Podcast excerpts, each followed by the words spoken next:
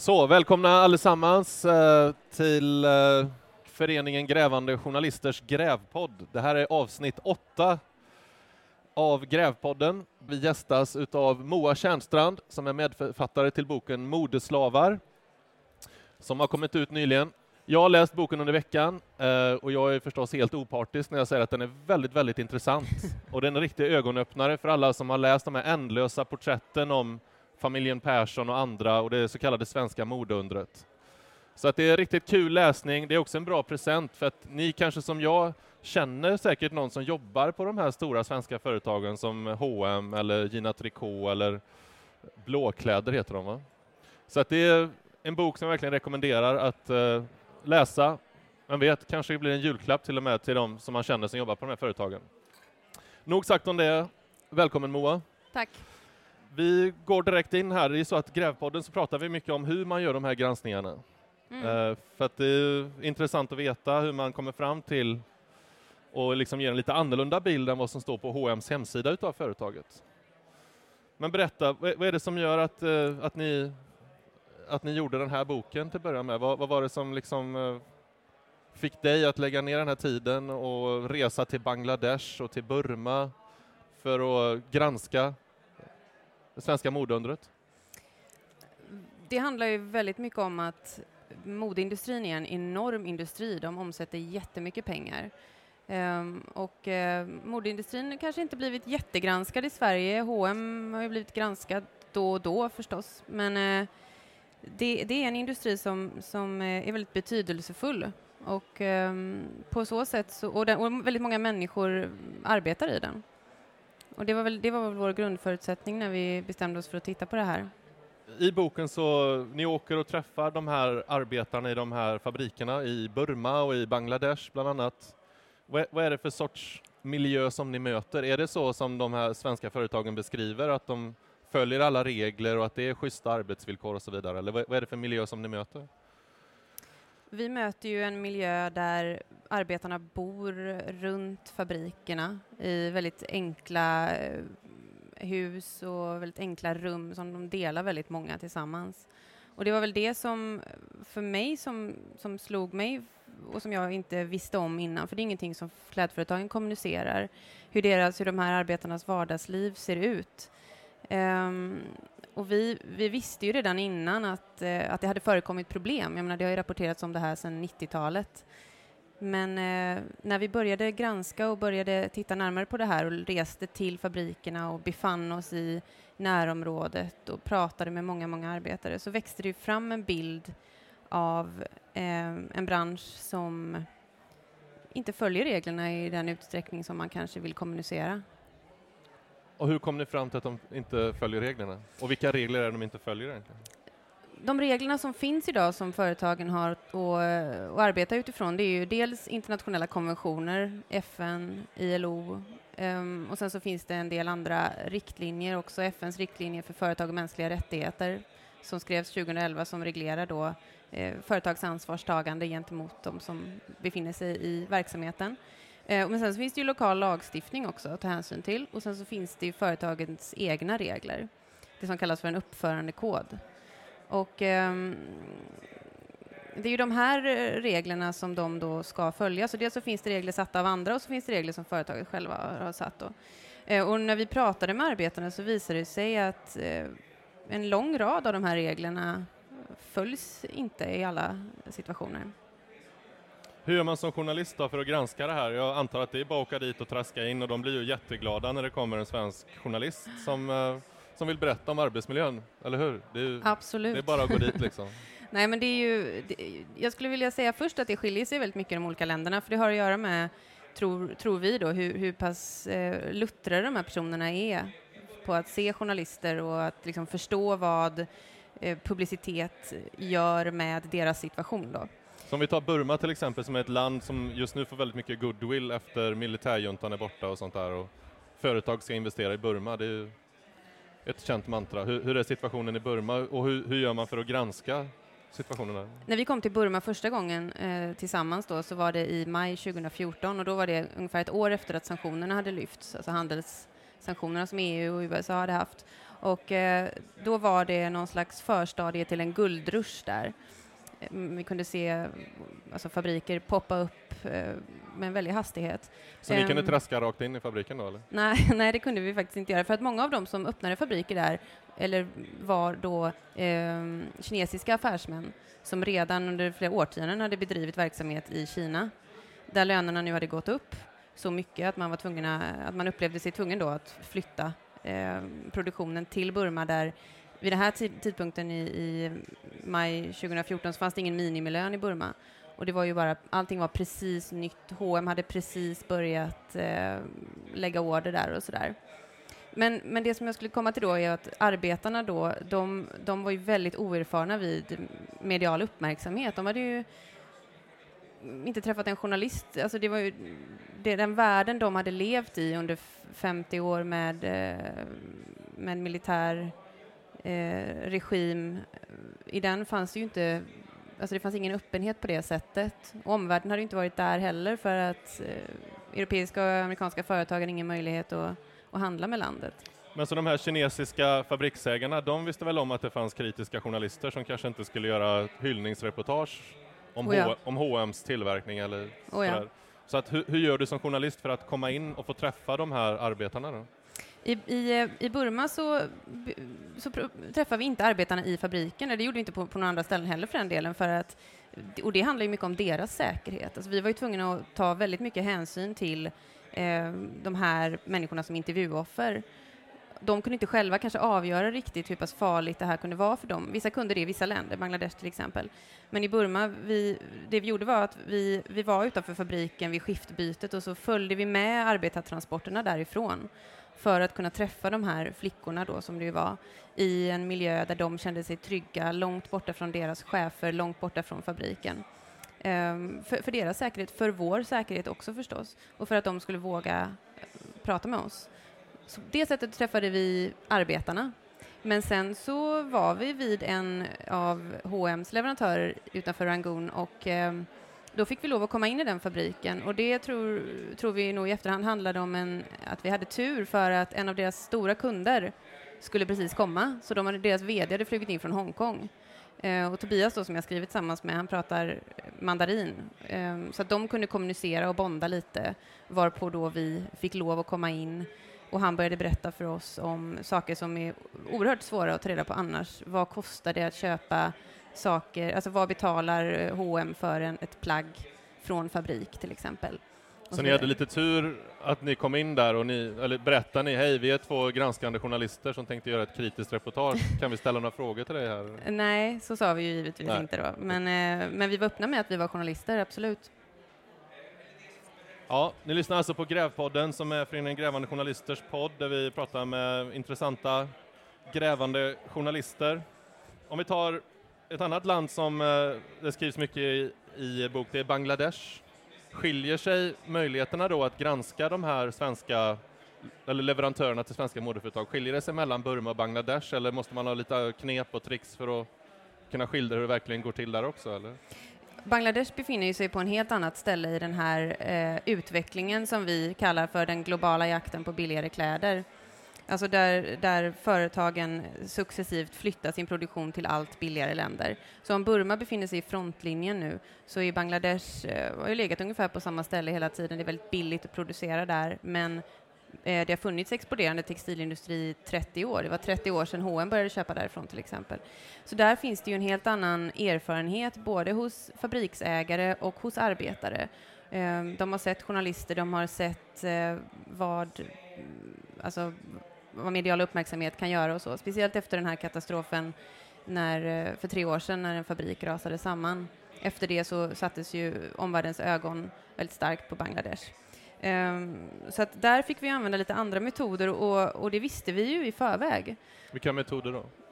Då hade vi skapat ett fiktivt företag som vi kallade för Prydling. Och vi var två inköpare från, från det här företaget då som eh, funderade på att börja producera kläder i Bangladesh.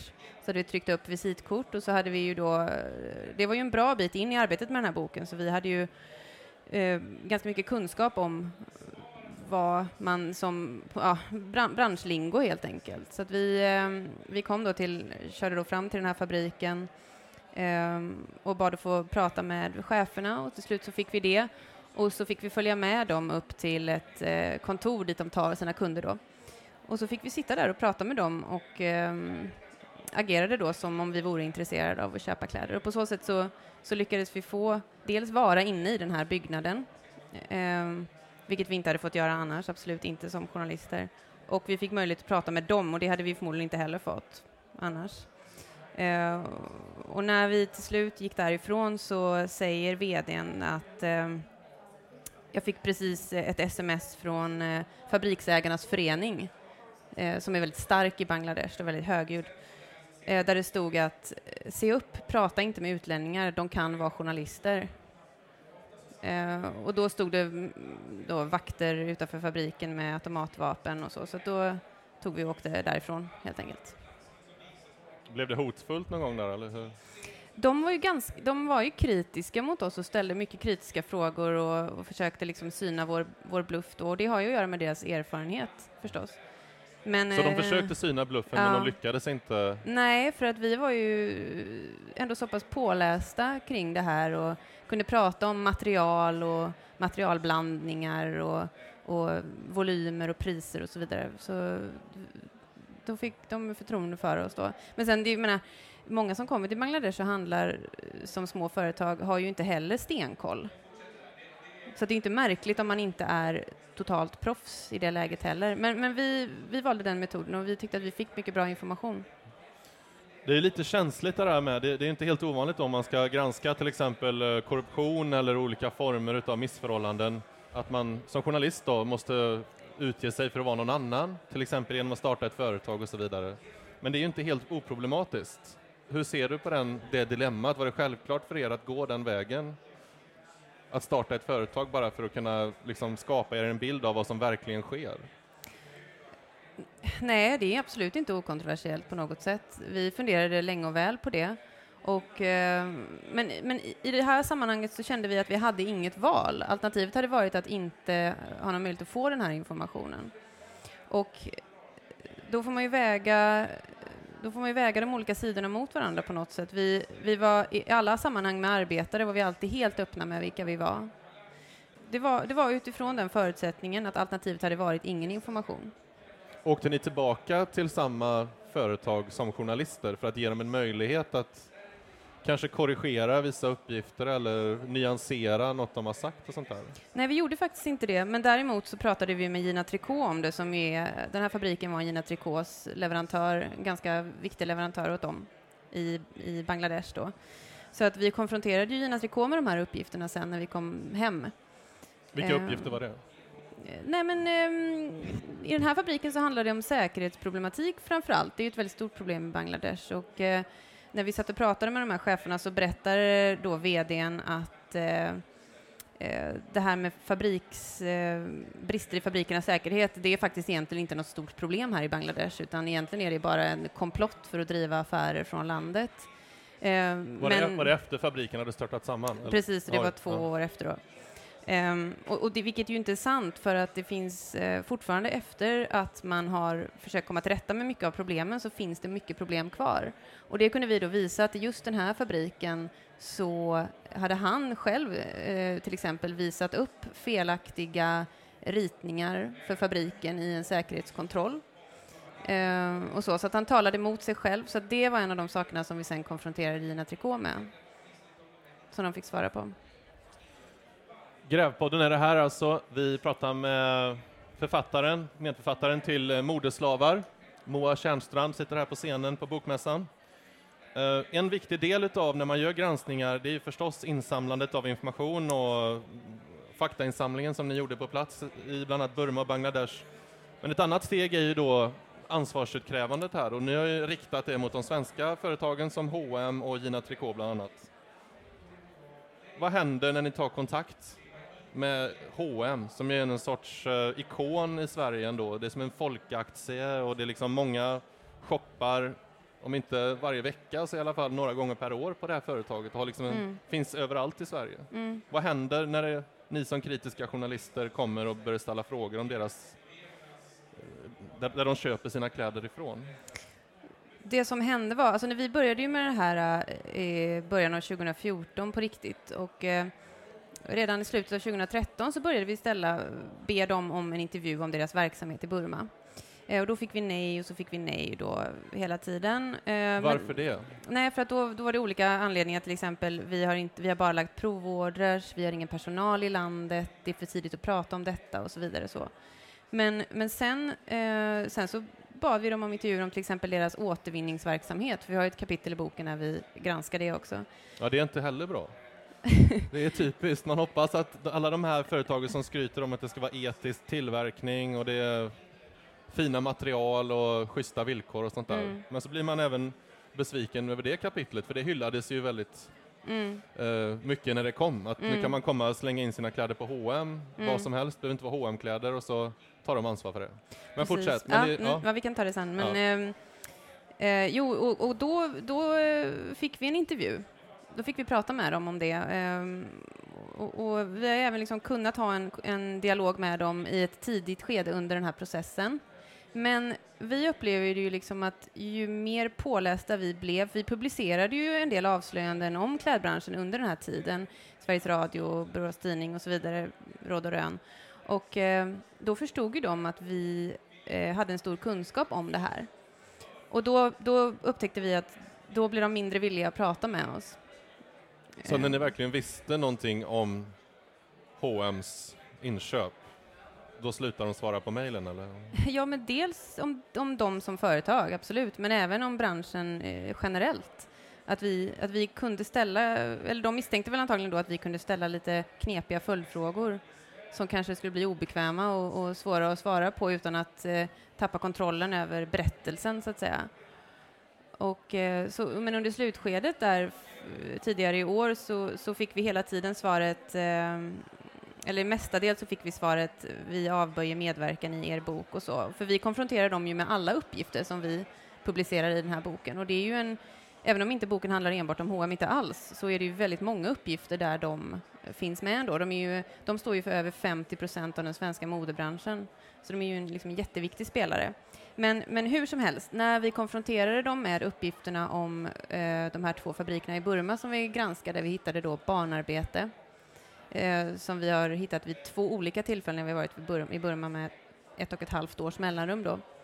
Eh, då gjorde de faktiskt en egen granskning av de här två fabrikerna och eh, hittade i princip samma sak som vi hade hittat. Och då berättade de det för oss. Så då, de ville inte göra någon intervju till boken, men de bekräftade att eh, det såg ut på det här sättet och att de avbröt eh, affärerna med de här två fabrikerna. Eh, ett begrepp som är väldigt populärt bland grävande journalister är follow the money, brukar man prata om.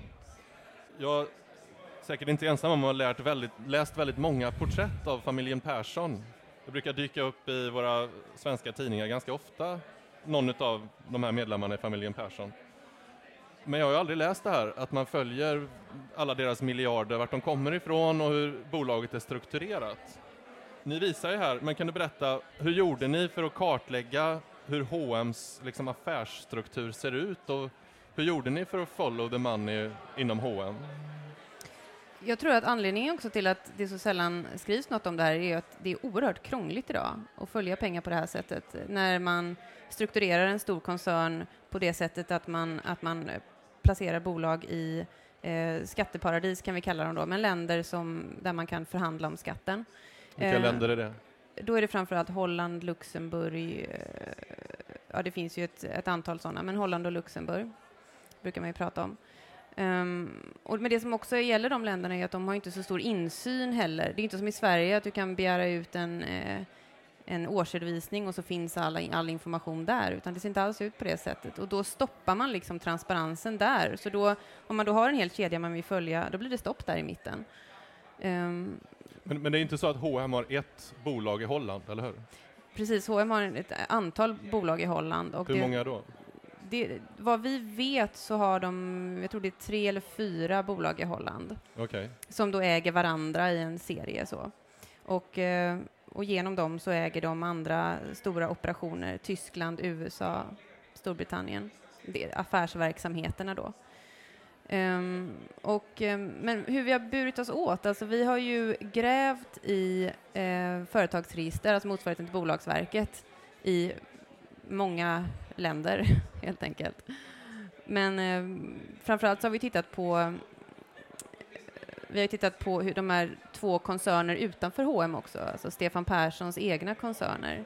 En fastighetskoncern med ett moderbolag i Sverige och en annan koncern med ett moderbolag i Storbritannien där han äger många fastigheter.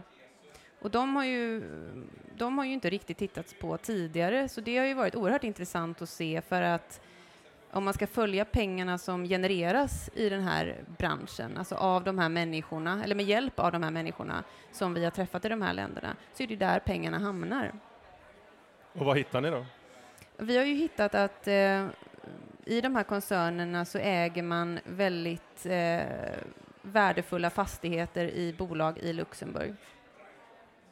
Så man har placerat sitt ägande där, till exempel två fastigheter i centrala London som man då äger i bolag i Luxemburg. Um, och sen så eh, i de här, i de här, så det är Stefan Persson äger eh, Stefan Perssons koncern vid sidan av H&M äger de här fastigheterna i ett bolag i Luxemburg. Men hm koncernen hyr eh, affärsutrymmen i de här fastigheterna då och bedriver sin affärsverksamhet. Så det sker liksom en, eh, en, en, en, en hyresbetalning eller ja, på något sätt en affärstransaktion mellan de här koncernerna. Då. Varför är det intressant? Alltså det är intressant på det sättet, nu kan ju inte vi belägga vilka exakta transaktioner som har skett. Det går ju inte.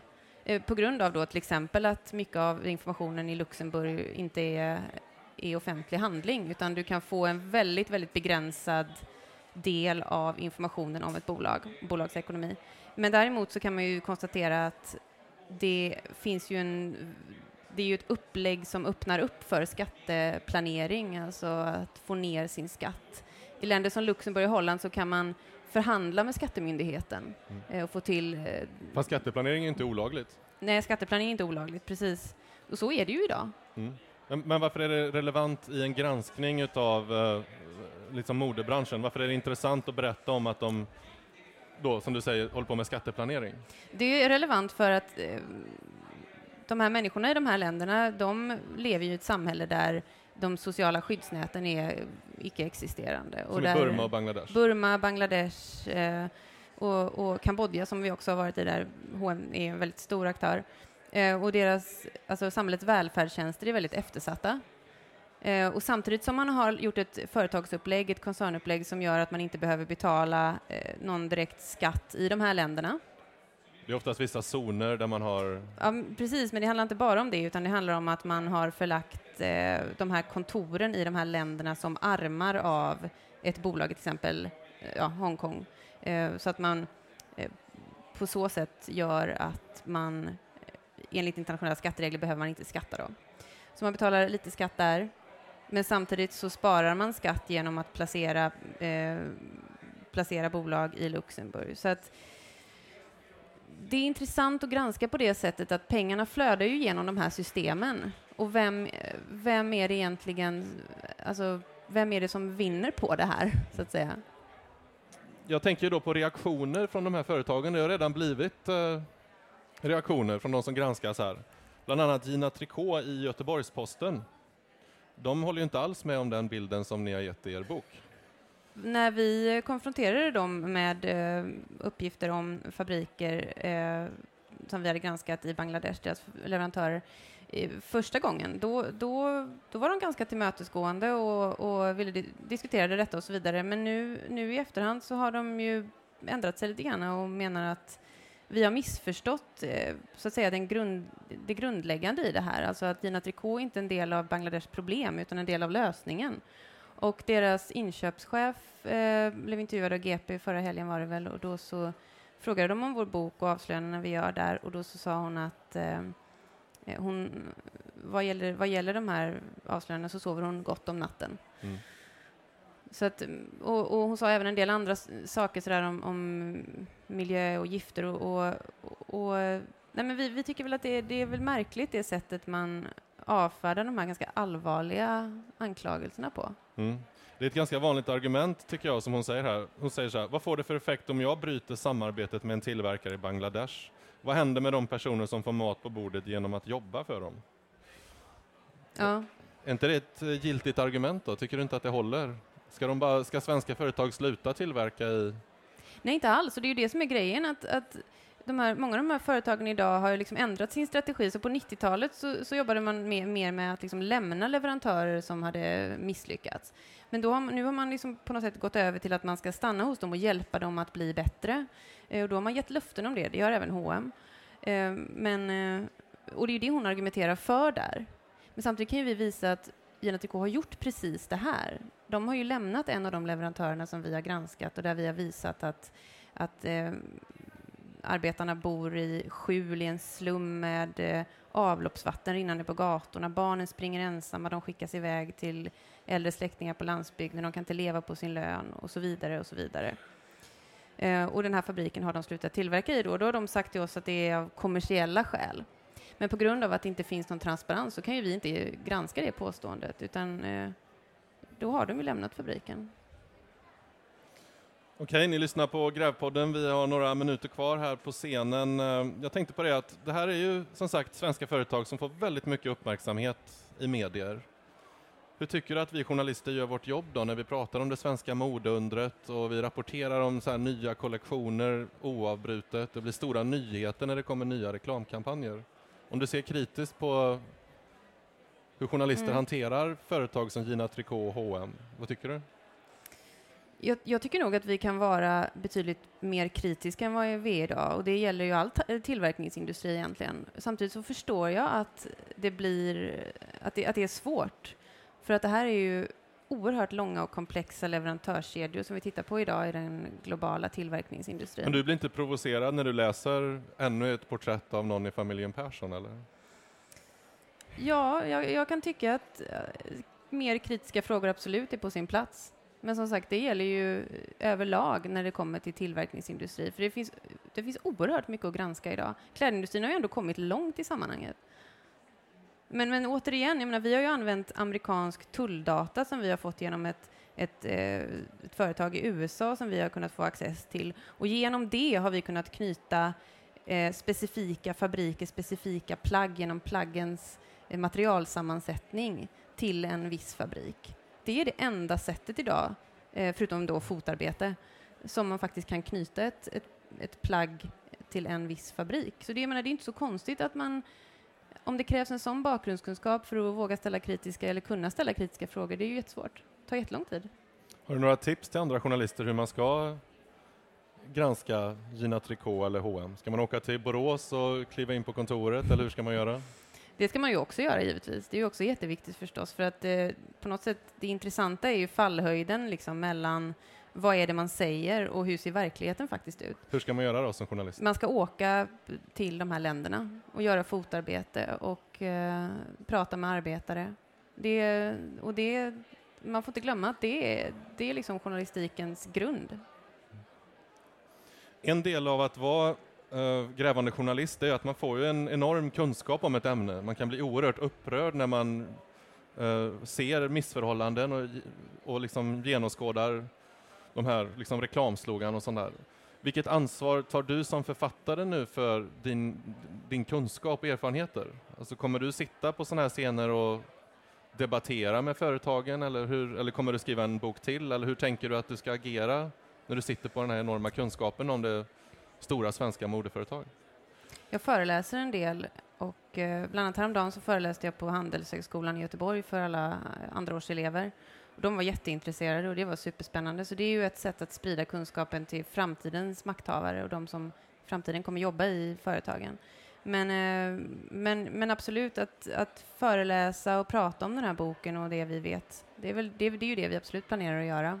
Och jag, jag utesluter inte alls att vi kommer att följa upp vad som händer, för att det, det finns ju många lösa trådar fortfarande och det utvecklas ju hela tiden. Så när Göteborgs-Posten publicerar en artikel där de uh, Gina Tricot säger att det stämmer inte saker i er bok, kräver ni genmäle då eller hur agerar ni för att Ja, vad gäller just den där artikeln så gick vi faktiskt, eh, så var vi faktiskt hos P4 Sjuhärad eh, dagen efter eller några dagar senare och då, då ifrågasatte vi det som Anna Appelqvist, då, inköpschef på Gina Tricot, hade sagt. Ehm, men, ehm, men hon valde att inte svara mer på det då, utan då skickade de sin VD eh, som då förklarade det här med att vi har missförstått förutsättningen, de är en del av lösningen, inte problemet. Och, och, och, och svor sig ganska fri från ansvar. Är du nöjd med det då? Nej, vi ska väl se vad vi ska skriva något om det kanske.